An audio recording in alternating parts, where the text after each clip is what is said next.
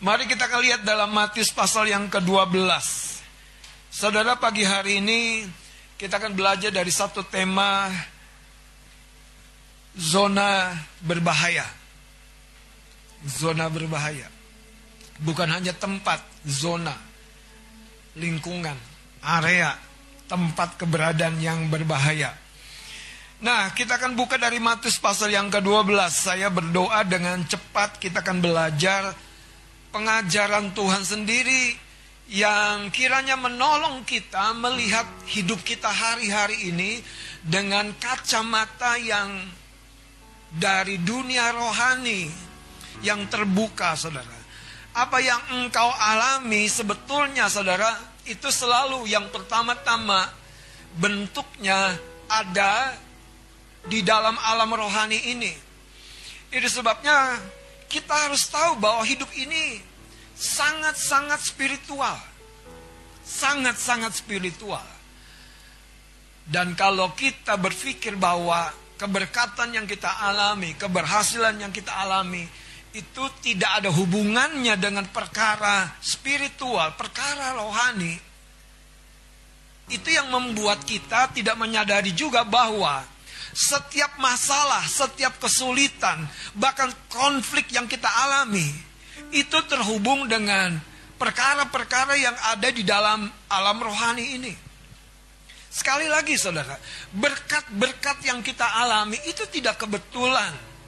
Masalah-masalah konflik, pertentangan, kelemahan yang terjadi itu tidak datang, tidak terjadi tanpa sebuah pola dan polanya itu ada di dalam alam rohani ini, saudara. Itu sebabnya kalau Anda percaya ada berkat, Anda harus percaya juga ada kutuk. Cuman dalam konteks ini yang dimaksud kutuk itu adalah di mana setan mendapat celah untuk mengerjakan kerusakan di dalam kehidupan kita. Nah, saudara, Tuhan tidak mau hidup kita anak-anaknya yang telah ditebus dari dosa, tapi di dalam kehidupan yang seharusnya penuh dengan keberkatan, kita dirusak oleh musuh kita karena kita tidak tahu bagaimana berperang. Kita tidak tahu bagaimana fight, kita tidak tahu bagaimana ber, berperang melawan musuh kita.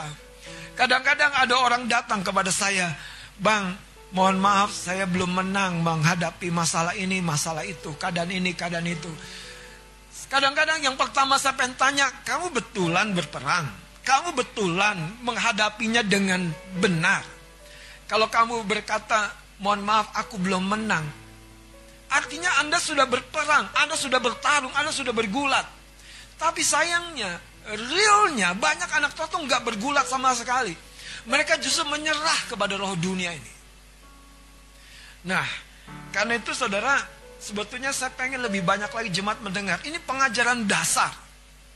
Dan kalau pengajaran dasar kita tidak tangkap, apa yang kita akan bangun di atas ini akan miss, akan meleset. Mari lihat Matius pasal yang ke-12. Ayat 43 sampai ayat 45. Ini perkataan Tuhan Yesus sendiri. Yang mengajar kepada orang-orang banyak yang mengikuti dia pada waktu Yesus mengusir roh-roh jahat dari orang-orang yang dilayaninya. Ayat 43 sampai ayat 45 kita bangkit berdiri kita akan baca bersama-sama. Ayat 43 mulai dari judulnya 23. Kembalinya roh jahat. Apabila roh jahat keluar dari manusia, ia pun mengembara ke tempat-tempat yang tandus mencari perhentian. Tetapi ia tidak mendapatnya. Lalu ia berkata, Aku akan kembali ke rumah yang telah kutinggalkan itu. Maka pergilah ia dan mendapati rumah itu kosong, bersih tersapu, dan rapi teratur. Lalu ia keluar dan mengajak tujuh roh lain yang lebih jahat daripadanya. Dan mereka masuk dan berdiam di situ. Maka akhirnya keadaan orang itu lebih buruk daripada keadaannya semula. Demikian juga akan berlaku atas angkatan yang jahat ini. Terima kasih. Silakan duduk. Saudara pernah mendengar sebuah berita di mana ada seorang yang melompat dari apartemen tingkat keberapa dan menjatuhkan dirinya ke bawah dan meninggal seketika? Ada orang-orang yang menabrakkan kendaraannya, ada orang-orang yang membiarkan dia berdiri di rel kereta api. Kadang-kadang saudara kalau kita sempat bertanya kepada orang-orang ini, masalahnya sebenarnya tidak terlalu serius sering kali putus cinta. Kadang-kadang cemburu, bunuh-membunuh, sakit hati saudara. Yang tidak kalah umumnya masalah hutang. Dan ini faktanya saudara, setan itu bukan hanya mencuri damai sejahteramu. Setan itu bukan hanya mencuri pengharapanmu Setan itu bukan hanya membuat engkau seperti tidak berdaya pada satu keadaan. Tapi dia mau membawa kita sampai kepada satu tempat, pada satu zona yang sangat-sangat berbahaya. Di mana ujungnya adalah kita akan kehilangan hidup kita. Mari waspada. Lihat ayat 43 ini saudara. Dari judul perikopnya saja menarik. Kembalinya roh jahat saya akan baca ya dengan perlahan. Apabila roh jahat keluar dari manusia, ia pun mengembara. Katakan mengembara. Jadi dia cari-cari seperti orang menuju satu tempat yang ini belum cocok, dia pindah lagi, yang ini belum cocok, pindah lagi. Mengembara ke tempat-tempat yang tandus. Tapi yang menarik, Alkitab mencatat mencari perhentian. Siapa yang mencari perhentian ini? Roh jahat. Kalau dalam terjemahan yang lain itu roh najis. Roh yang mencemarkan hidup kita. Roh yang membuat pikiran kita, jiwa kita tidak stabil. Itu roh najis, roh jahat. Yang membuat tiba-tiba emosi kita tidak terkontrol yang membuat saudara kadang-kadang kemauan kita terlalu kuat tidak bisa dibatasi, tidak bisa dikontrol. Untuk banyak hal, untuk makan, untuk tidur, untuk marah, untuk ngomong, untuk ngegosip, bahkan untuk berbohong, bahkan untuk bekerja. Itu sesuatu yang mendorong saudara di dalam orang-orang yang saya katakan tadi. Sayangnya, banyak orang ini tidak tahu. Mereka sedang dibawa, digeret begitu rupa kepada satu tempat yang namanya zona yang sangat berbahaya. Zona yang sangat kering. Zona di mana rojat kemudian dapat dengan mudah masuk. Zona yang kering itu baru yang namanya roh najis, roh cemar, roh jahat. Kenapa? Nanti saya terangkan saudara. Karena jenis roh yang seperti ini, itu template-nya selalu jiwa manusia. Kalau jiwa manusia kosong, kering, dry, lapar saudara, hop dia masuk masuk. Bedanya kalau roh-roh yang lain yang tingkatannya lebih serius saudara. Dia tunggu. Saya mau terangkan dari perikop ini. Ini pengajaran Tuhan Yesus. Tolong perhatikan. Makanya kalau kita tidak perhatikan jiwa kita yang mulai kosong. Dari firman. Dari kehidupan doa. Dari penyembahan. Tinggal tunggu waktu saudara kayaknya kita ketemu banyak masalah. Di jalan masalah, di kampus masalah, di kerjaan masalah, di rumah tangga masalah, di pelayanan masalah, di hubungan masalah, di keuangan masalah. Kita digerogoti dengan pasti. Lanjut ya. Ayat 44. Lalu ketika roh jahat ini yang keliling-keliling tidak dapat tempat yang tandus zona yang berbahaya itu tidak dapat. Yang menarik saudara, dia punya kenangan dengan tempat yang lama. Makanya kalau Anda dulu udah menang dari dosa tertentu, dari kejatuhan tertentu, jangan berpikir sudah aman. Jangan pernah berpikir sudah aman. Ayat ini jelas berkata gini, dia ingat tempat yang pernah dulu dia tinggal, bahkan menetap. Ini tempat yang familiar. Makanya kalau Anda lihat pohon keluarga Anda, orang tua Anda, kakek nenek opung Anda lihat kekacauan seperti apa, masalah seperti apa, konflik seperti apa di atas. Roh jahat itu tidak mati. Dia tahu garis darah kita. Dia tahu siapa papa mama kita, opung kakek kita. Dia tahu. Dan itu sebabnya dia menyasar kepada kita. Kalau peperangan itu tidak selesai pada hidupmu, tinggal tunggu waktu. Anakmu yang akan menuai. Anakmu akan menuai. Dan mereka akan bingung, kenapa ya aku kok sakit-sakit begini. Kita lupa saudara, sakit-sakit yang sedang dia alami itu bukan hanya sebatas masalah fisik. Tapi ada satu roh yang namanya roh sakit penyakit. Yang terus menggerogoti ada banyak orang tuh masanya gini, dia sudah fisiknya habis, kesehatannya habis, keuangannya habis. Tapi dia nggak insaf bahwa ada musuh dalam dirinya. Hubungannya habis, dia nggak cepat-cepat berbalik cari Tuhan. Nggak cepat-cepat saudara. Setan itu saudara kadang-kadang ya itu dia licik, licik sekali. Dia biarkan kita sepertinya aman, aman, aman, aman. Tapi jiwa kita makin kosong. Aman, aman, aman. Jiwa kita makin kosong. Dan tunggu waktu. Itu kita seperti dituai. Dituai. Lihat ayat 44 ini. Lalu ia berkata, aku akan kembali ke rumah yang telah kutinggalkan itu. Yang dimaknai rumah itu siapa? Manusia orang pada ayat yang ke-43. Ini Tuhan Yesus yang ngomong. Terus, maka pergilah ia dan mendapati rumah itu kosong. Juga bersih tersapu dan rapi teratur. Catatan Alkitab kosong. Tidak ada penjaganya. Tidak ada tuan di rumah itu. Tidak ada kehidupan di rumah itu. Hanya tersapu dan rapi teratur. Ayat 45-nya saudara. Lalu rojat ini keluar, jadi dia kunjungan. Kunjungan. Kunjungan.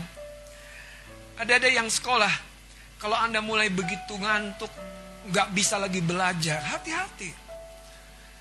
Siapa bilang Anda bukan sekedar capek ngantuk dan gak bisa lagi belajar. Roh jatuh lagi coba menghancurkan nilai-nilaimu. Dan ujungnya masa depanmu. Iya. Kita harus waspada. Bukan sekedar. Makanya begini saudara, segala sesuatu itu seperti sebuah mata rantai. Sebuah mata rantai. Kalau kita tahu dari kebajikan kepada kebajikan, dari kemurahan kepada kemurahan, dari kemuliaan kepada kemuliaan, dari kekeringan kepada kekeringan dan makin kering, dari kosong makin kosong makin kosong, dari jahat makin jahat makin jahat. Tidak ada saudara yang tiba-tiba bisa. Di sinilah kita harus tahu, roh jahat itu menghabisi orang-orang yang sekalipun dia sudah percaya kepada Tuhan Yesus. Sekalipun bahkan dia sudah dipenuhi roh kudus. Bahkan dia sudah diurapi Tuhan. Kita tuntaskan dulu ayat 45-nya. Lalu ia keluar dan mengajak yang lebih jahat daripadanya. Dan maka Demikianlah. Anda perhatikan, demikian juga akan berlaku atas angkatan yang jahat ini. Jadi ternyata generasi yang jahat itu menjadi sebuah dudukan, pijakan, lingkungan roh jahat dengan leluasa. Waktu Anda dibiarkan bermalas-malas, waktu Anda dibiarkan berbohong dan terus berbohong, waktu Anda dibiarkan terus ngamuk dan mengekspresikan emosi Anda tidak terkendali, dan orang di lingkungan Anda setuju, di situlah sering kali saudara, itu akan menjadi ragi yang sepertinya biasa, sepertinya biasa, sepertinya biasa. Waktu orang meninggalkan ibadah, meninggalkan rumah Tuhan, dan dia sepertinya biasa, dia tidak mendengar firman, dia tidak menyembah pada waktu pagi, sepertinya biasa, karena kesibukan, bahkan karena pelayanan.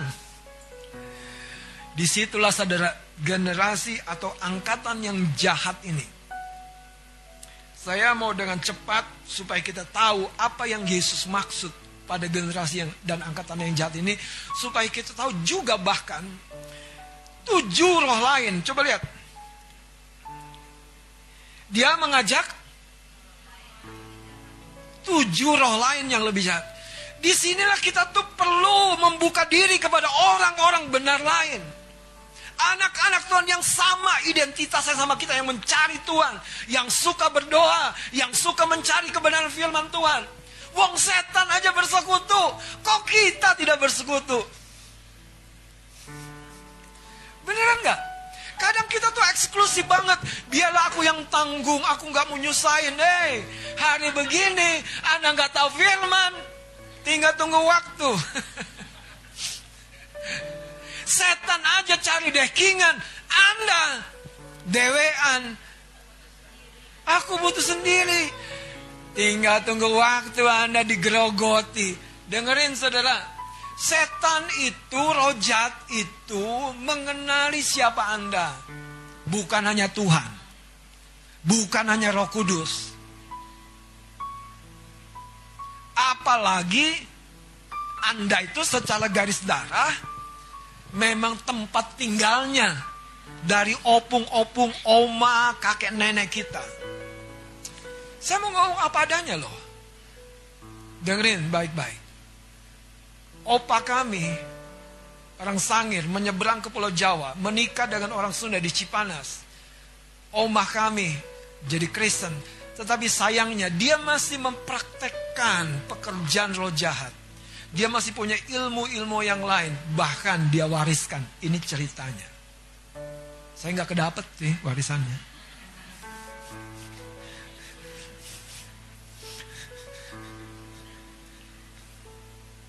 Dan kalau kita lihat saudara, dari garis ini kita tahu ada kehancuran, kehancuran, kehancuran. Hidup yang tidak berbuah, tidak berbuah, tidak berbuah, tidak berbuah. Dipretelin setan udah hancur keuangannya, udah hancur kesehatannya, masih belum cari Tuhan juga. Masih belum mengandalkan Tuhan, belum cari pertolongan. Setan aja cari sekutu yang lebih kuat. Anda, hamba Tuhan mau cari Anda, susahnya minta ampun. Anda, diajak pemuridan susahnya keterlaluan. Padahal hamba Tuhan Saudara, hari-hari ini seperti yang saya sudah sampaikan sekian waktu, ini menjelang akhir tahun. Kalau Anda tidak berdiri di menara, berjaga di menara, berdoa di menara, mengangkat tangan di menara, tinggal tunggu waktu, saudara. Kejadian-kejadian, kecelakaan-kecelakaan yang tidak terduga akan datang kepada Anda. Saya bukan bernubuat, saya cuma mengisahkan apa yang menjadi pola di alam rohani ini. Oh, kalau Anda dengan santainya mau begini berangkat, mau begini berangkat pergi. Ya, mohon maaf saudara. Tanganku hanya dua. Anda tahu, Yosua berperang di bawah, di lembah. Tapi Musa naik ke atas gunung mengangkat tangan. Saking lelahnya dia mengangkat tangan kepada Tuhan menyembah dan berdoa. Harun dan Hur samping kanan samping kiri menopang tangannya dan membawa sebuah batu untuk duduk. Anda tahu, kalau hari gini saudara, kita belum tahu ada peperangan, dengar ada peperangan. Wah, kita akan kecolongan banyak saudara. Tetapi sebaliknya, kalau kita mengambil sebuah tindakan yang benar, kita akan menuai banyak. Benar, kita akan menuai banyak. Haleluya. Kita akan menuai sangat-sangat banyak. Saya bukan sedang memberitakan ketakutan. Ada kecelakaan, ada penipuan, ada masalah. Bukan. Saya sedang memberikan warning di rumah Tuhan. Tetapi saya sedang membangkitkan Anda sebagai prajurit-prajurit Tuhan. Haleluya. Haleluya. Haleluya. Saudara, ada dua dosa yang sangat mencolok yang paling tidak pada generasi yang Yesus maksudkan, generasi yang jahat. Yang pertama, mari kita akan lihat 2 Timotius 3 5. Semoga saya dengan cepat akan dapat menyampaikannya dan kemudian kita berdoa. Langsung kita lihat 2 Timotius 3 ayat 5. Secara lahiriah, mari baca sama-sama 2 3. Secara lahiriah mereka menjalankan ibadah tetapi ya. Ini orang-orang yang ibadah bukan hanya sekedar saudara sebagai orang Kristen, tapi mereka sedang pakai topeng itu justru topengnya apa? Ibadah. Topengnya apa? Ibadah. Topengnya ibadah. Bukan pakai topeng di ibadah, topengnya ibadah. Coba lihat ayat ini saudara. Mereka memungkiri saya baca lagi ya. Secara lahiriah. Secara lahiriah. Secara lahiriah. Ini orang-orang yang aktif. Tapi kalau hati kita tidak terbuka kepada firman. Yang menusuk hati kita. Dan kita berkata itu bukan aku. Aku belum sebegitu jauh kok. Aku belum jelek-jelek banget kok. Ujungnya saya cuma bilang, cuma Tuhan dan setan yang tahu Anda.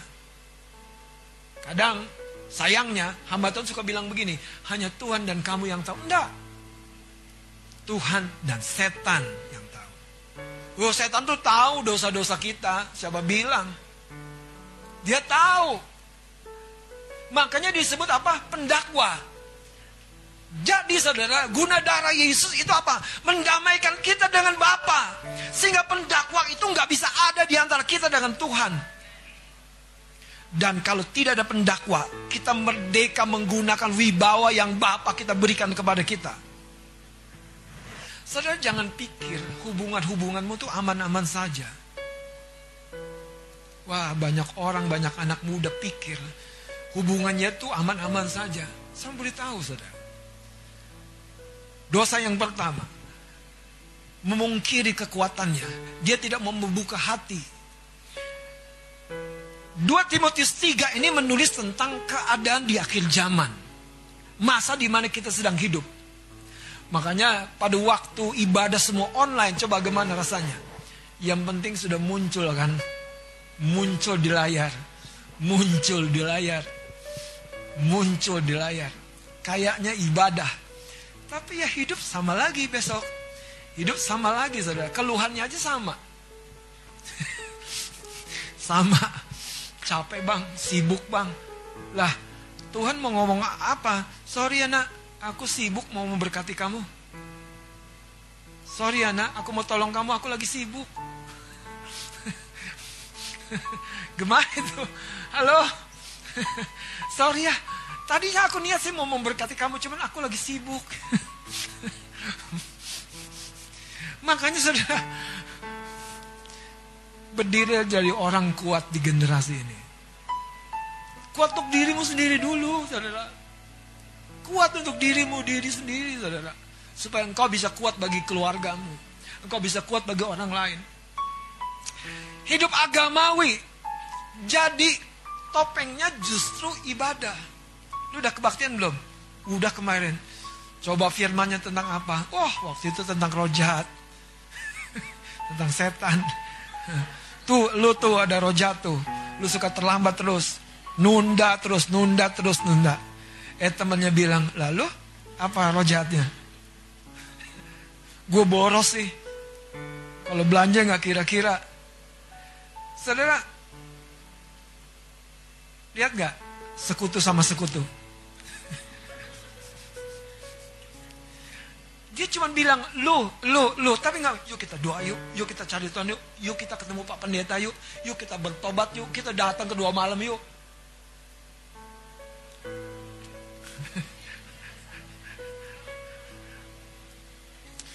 saudara gini loh, dengerin saudara.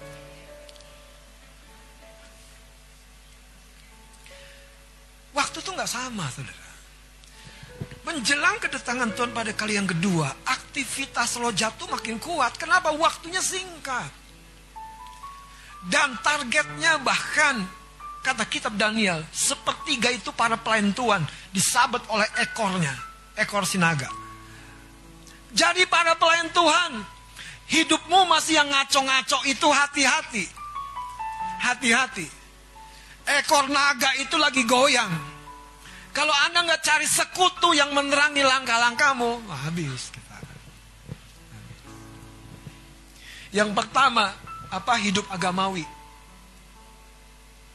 Aku nih doa bang, sambil nguap aja aku doa. Nguapku aja doa. Bayangkan saudara, pokoknya aku melek mata sudah doa. Bahkan yang lebih keren lagi Tuhanlah saksiku. Aku sih nggak perlu kirim laporan sama abang. Tapi abang harus tahu, aku pasti doa. Saya tinggal bilang, ya Tuhan dan setan yang tahu.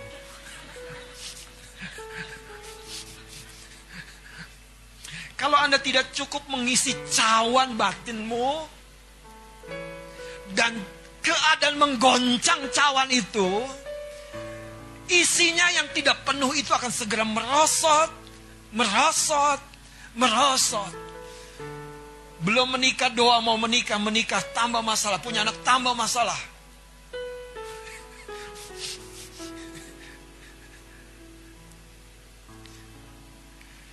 Dilirik banyak orang, banyak masalah. Enggak dilirik juga masalah. Maunya apa sih? Masalahnya itu bukan di luar, tapi di dalam diri kita. Dosa yang kedua yang Anda harus waspadai. Makanya begini saudara, kalau kita datang ke rumah Tuhan, kita tuh jangan sekedar datang, yang penting kita udah ngangkat tangan, tepuk tangan, tapi pastikan pulang berubah. Pastikan pulang aku dijamah Tuhan. Pastikan pulang aku diterangi firman. Pastikan aku pulang punya sudut pandang yang baru tentang masalahku. Itu ibadah yang sesungguhnya. Karena ibadah itu punya kuasa untuk membebaskan kita. Kalau hati kita terbuka. Dosa yang kedua pada zaman itu adalah munafik. Munafik bukan sekedar pakai topeng. Lihat beberapa ayat. Paling enggak dua ayat. Lukas 11 ayat 46. Lukas 11 ayat 46. Tetapi ia menjawab, celakalah kamu juga ahli-ahli Taurat sebab kamu meletakkan beban-beban yang tak terpikulkan pada orang. Tetapi kamu sendiri tidak menyentuh beban itu dengan satu jari pun. Anda tahu? Kemunafikan justru terjadi, maaf ya, pada senior-senior. Orang yang tahu firman dorong anak-anak didiknya, ayo baca firman, renungkan firman, isi hati dengan firman. Tapi pertanyaannya bagaimana dengan kita sendiri? Apakah kita diselamatkan oleh firman? Apakah kita menerima rema firman? Atau sekedar baca, ya baca aja. Saudara orang munafik itu kadang-kadang begitu saudara. Dia taruh beban, udah baca belum? Kalau saya tanya sama Anda, saya pastikan saya telah membaca, merenungkan, menelannya, mengunyahnya. Firman itu. Ayat yang kedua, Matius 7 ayat 5, saudara. Ini menarik saudara. Kenapa? Karena dosa ini adalah dosa-dosa di mana setan itu dengan mudah. Karena dia tidak melekat dengan kerohanian yang sesungguhnya. Hanya pakai itu sebagai sebuah kiasan. Matius 7 ayat 5, hai orang munafik, keluarkanlah dahulu balok.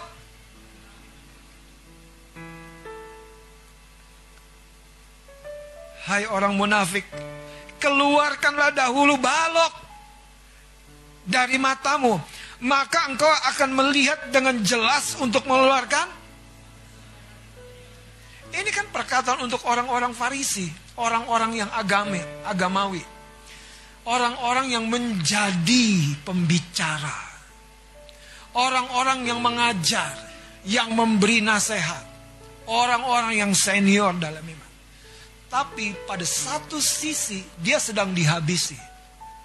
Oke. Kita lihat sebuah contoh saudara.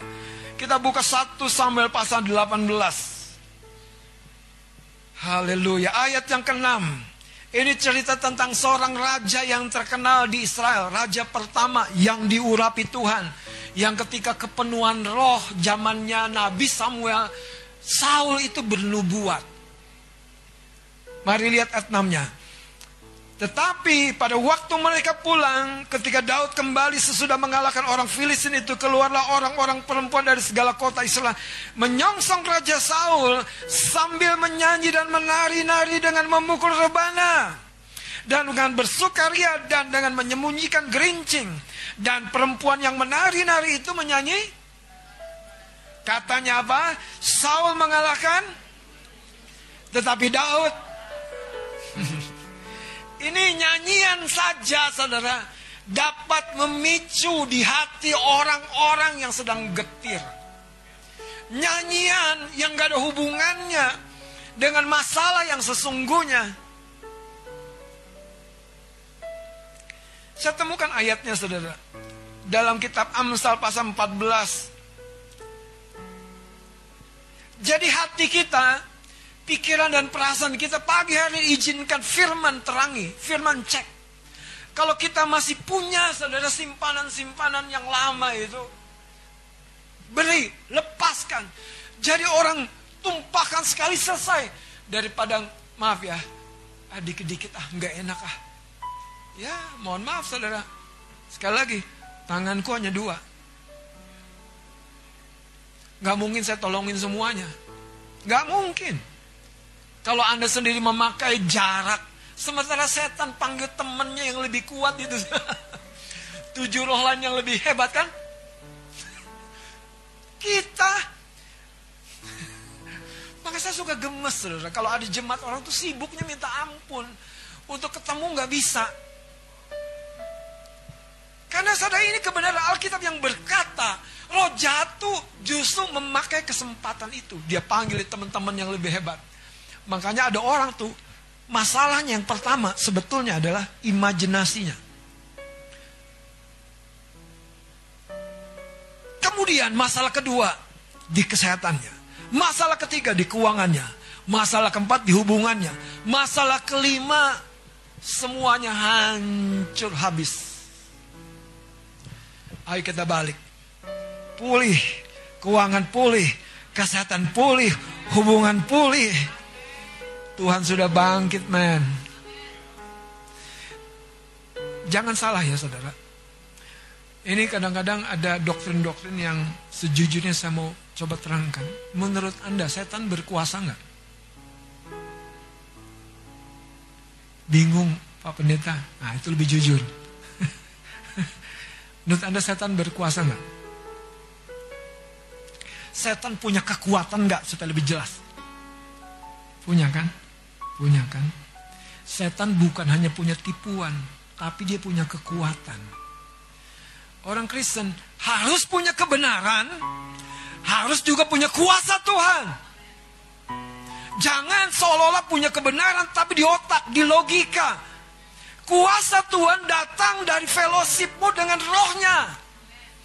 Paulus berkata, roh yang di dalam dirimu itu bukan membuat engkau takut, tapi membangkitkan kekuatan, power. kasih dan ketertiban, hidupmu akan ada di dalam jalan-jalan dan rencana Tuhan. Kalau kita sukanya cuma sekedar mengambil Alkitab, doa dalam sebuah format yang tadi tuh agama dan munafik.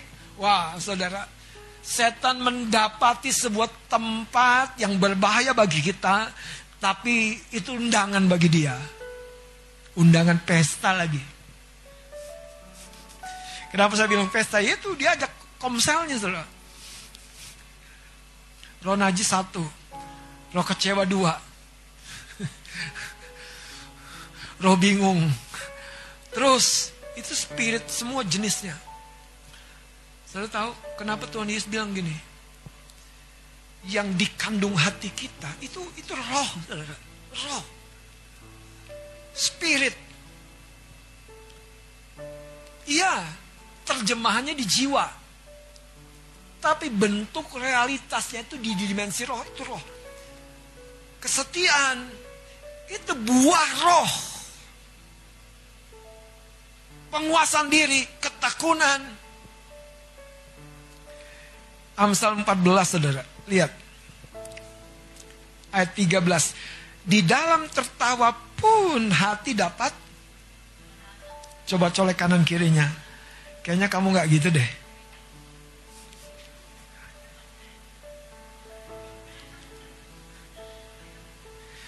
Tahu nggak saudara? Di dalam tertawa pun hati dapat merana dan kesukaan dapat berakhir dengan Bayangkan wanita-wanita ini lagi mensyukuri kemenangan peperangan Israel. Lagi mensyukuri kemenangan peperangan bangsanya. Lagi bersorak-sorai nyanyi, Bil. Pakai rebana lagi.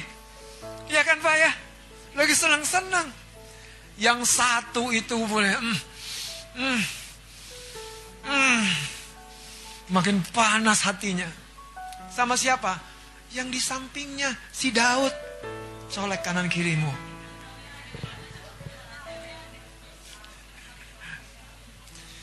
Banyak orang tuh sebetulnya gitu saudara. Punya rasa tidak aman yang makin tumbuh, makin tumbuh, makin tumbuh, makin tumbuh. Lihat si Anu potong rambutnya baru. Ya ampun, keren banget ya.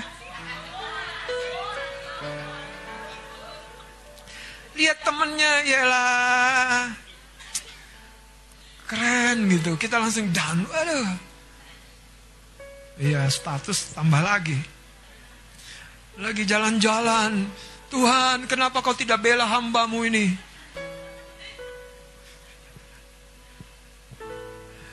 Orang yang jalan-jalan Anda yang baper. Orang lain yang diberkati naik naik naik naik pangkat di di di apa namanya di kantornya Anda yang baper.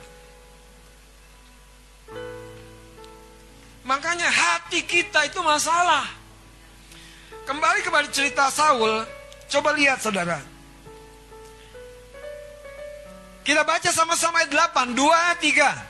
Lalu bangkitlah amarah Saul dengan kalau dikatakan bangkit itu artinya apa? Dari dalam. Kasih kakek-kakek itu bangun tidur, kamarnya bau. Ke ruang tamu kok bau juga. Bahkan ke halaman bau, kayak ke rumah tetangga bau juga. Dia nggak tahu cucunya kasih terasi di sininya, di kumisnya. Makanya kadang-kadang kita tuh masalah. Masalah. Masalah. Masalahnya bukan di luar. Masalahnya bukan di luar.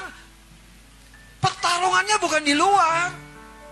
Tapi di sini, saudara.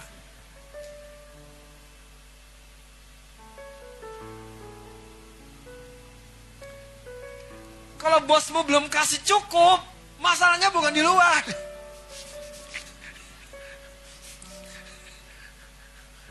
Masalahnya di sini.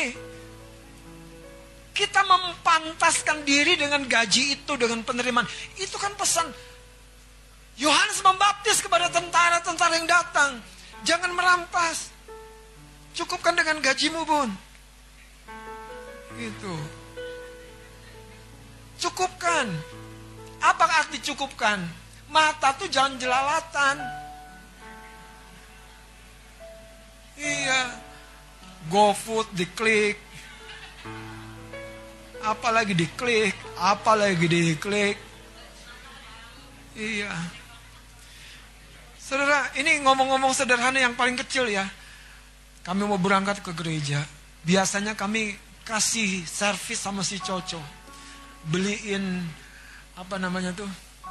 The Bisto, paket. Kita bikin servis, dia enak.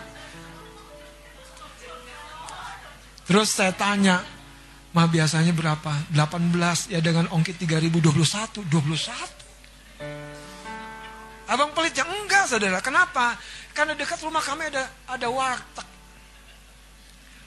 Boleh nggak aku aja pergi ke warteg? Aku pergi duluan saudara. Eh bukan duluan, berangkat keluar ke warteg itu. Aku beli nasi, ikan teri kacang, eh, krecek. Wah, tahu nggak berapa tebak? Tebak berapa? Nah, Mbak Asih jempol. Waktu saya bayar 11 ribu, ya Tuhan, apa yang membuat kita bodoh? Ego. Apa yang membuat kita bodoh? Kemalasan. Saya mau ibadah, saya mau pelayanan, tetapi kenapa? Ada masalah. Ini harus diseset, saudara. Ini juga harus dibelek. Gak mau repot, gak mau susah. Naik kereta lebih murah, kenapa nggak naik kereta ya? Iya kan?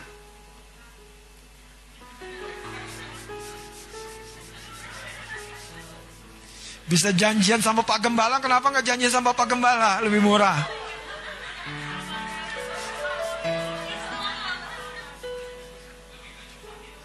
Iya. Setan aja cari persekutuan. Bahkan orang-orang yang lebih kuat dari dia. Dia cuma roh najis. Yang satu roh kematian, roh pembunuhan. Saya jadi ingat mimpinya Kak Ani, saudara. Rumah yang diperhadapkan kepada kami. Itu ada patung ular, dan spirit of destroyer gitu saudara. Satan tuh nggak main-main sama anda. Lanjut dikit ya. Lihat saudara. Saul ini baperan.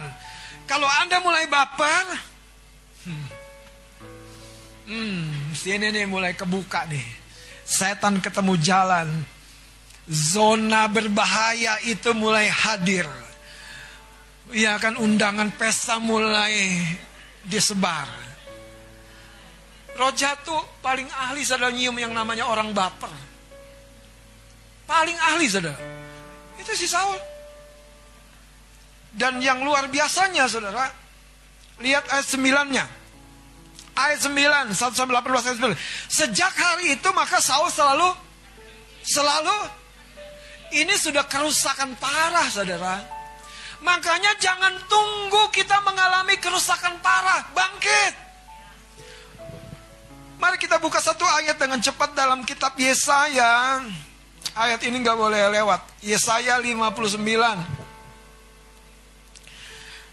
Tampilkan dalam New King James. Atau bahasa Bataknya aja. Supaya Bang Juanda ngerti.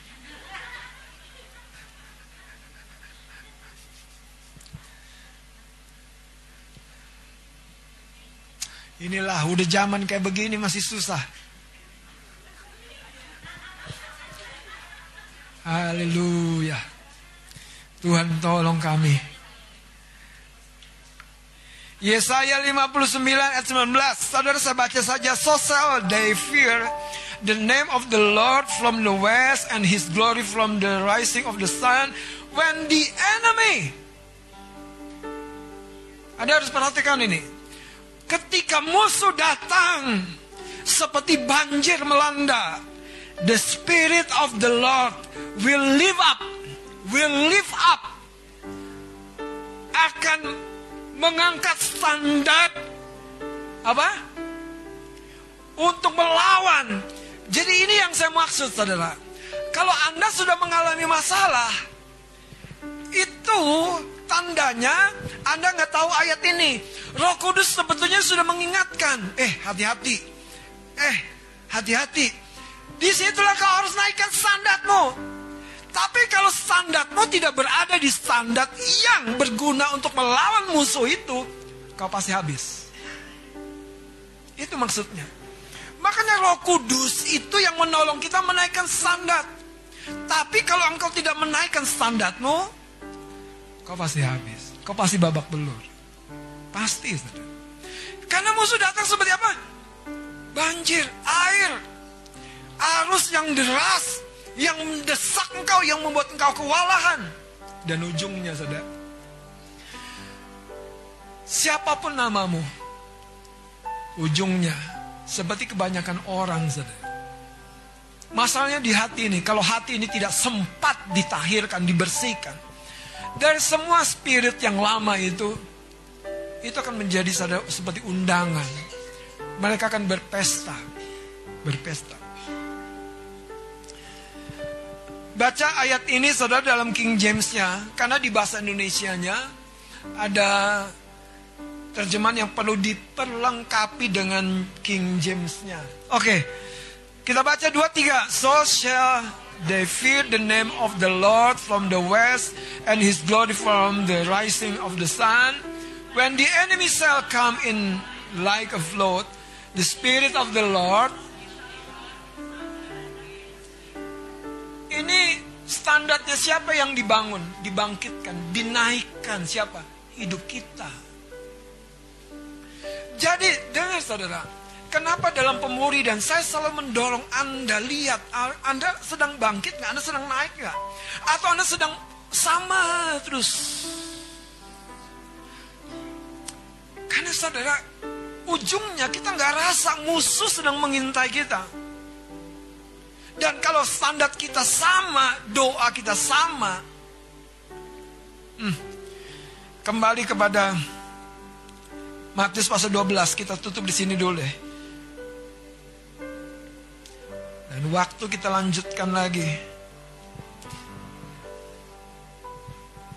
Ayat 44. Lalu Matius 12 ayat 44. Lalu ia berkata, aku akan kembali ke rumah yang telah kutinggalkan itu. Jadi roh jahat itu mulai mengintai. Di situ Roh Kudus tahu saudara memprepare Anda, mempersiapkan kita. Saudara, kita harus belajar sense bukan hanya kepada musuh, tapi kepada Roh Tuhan. Makanya saudara, kalau Anda babak belur dan Anda bilang Anda dipenuhi Roh Kudus, saya tanda tanya. Saya tanda tanya. Saya tanda tanya, saudara. Saya tanda tanya betul-betul. Betul-betul tanda tanya. Penuh roh kudusnya di mana? Kita sense gak ada musuh. Karena roh Tuhan yang menolong kita keep, saudara, tangkap itu. Ada sebuah alarm yang dibunyikan. Sekali lagi, saya sering bilang, akhir tahun ini, Jumat Sabtu, jangan hanya kelayapan, doa.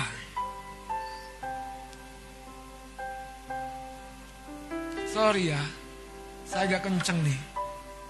Enak kan ngomongnya, jangan hanya kelayapan kan? Enak gak? Enak, saya nggak nggak ngelarang kelayapan loh.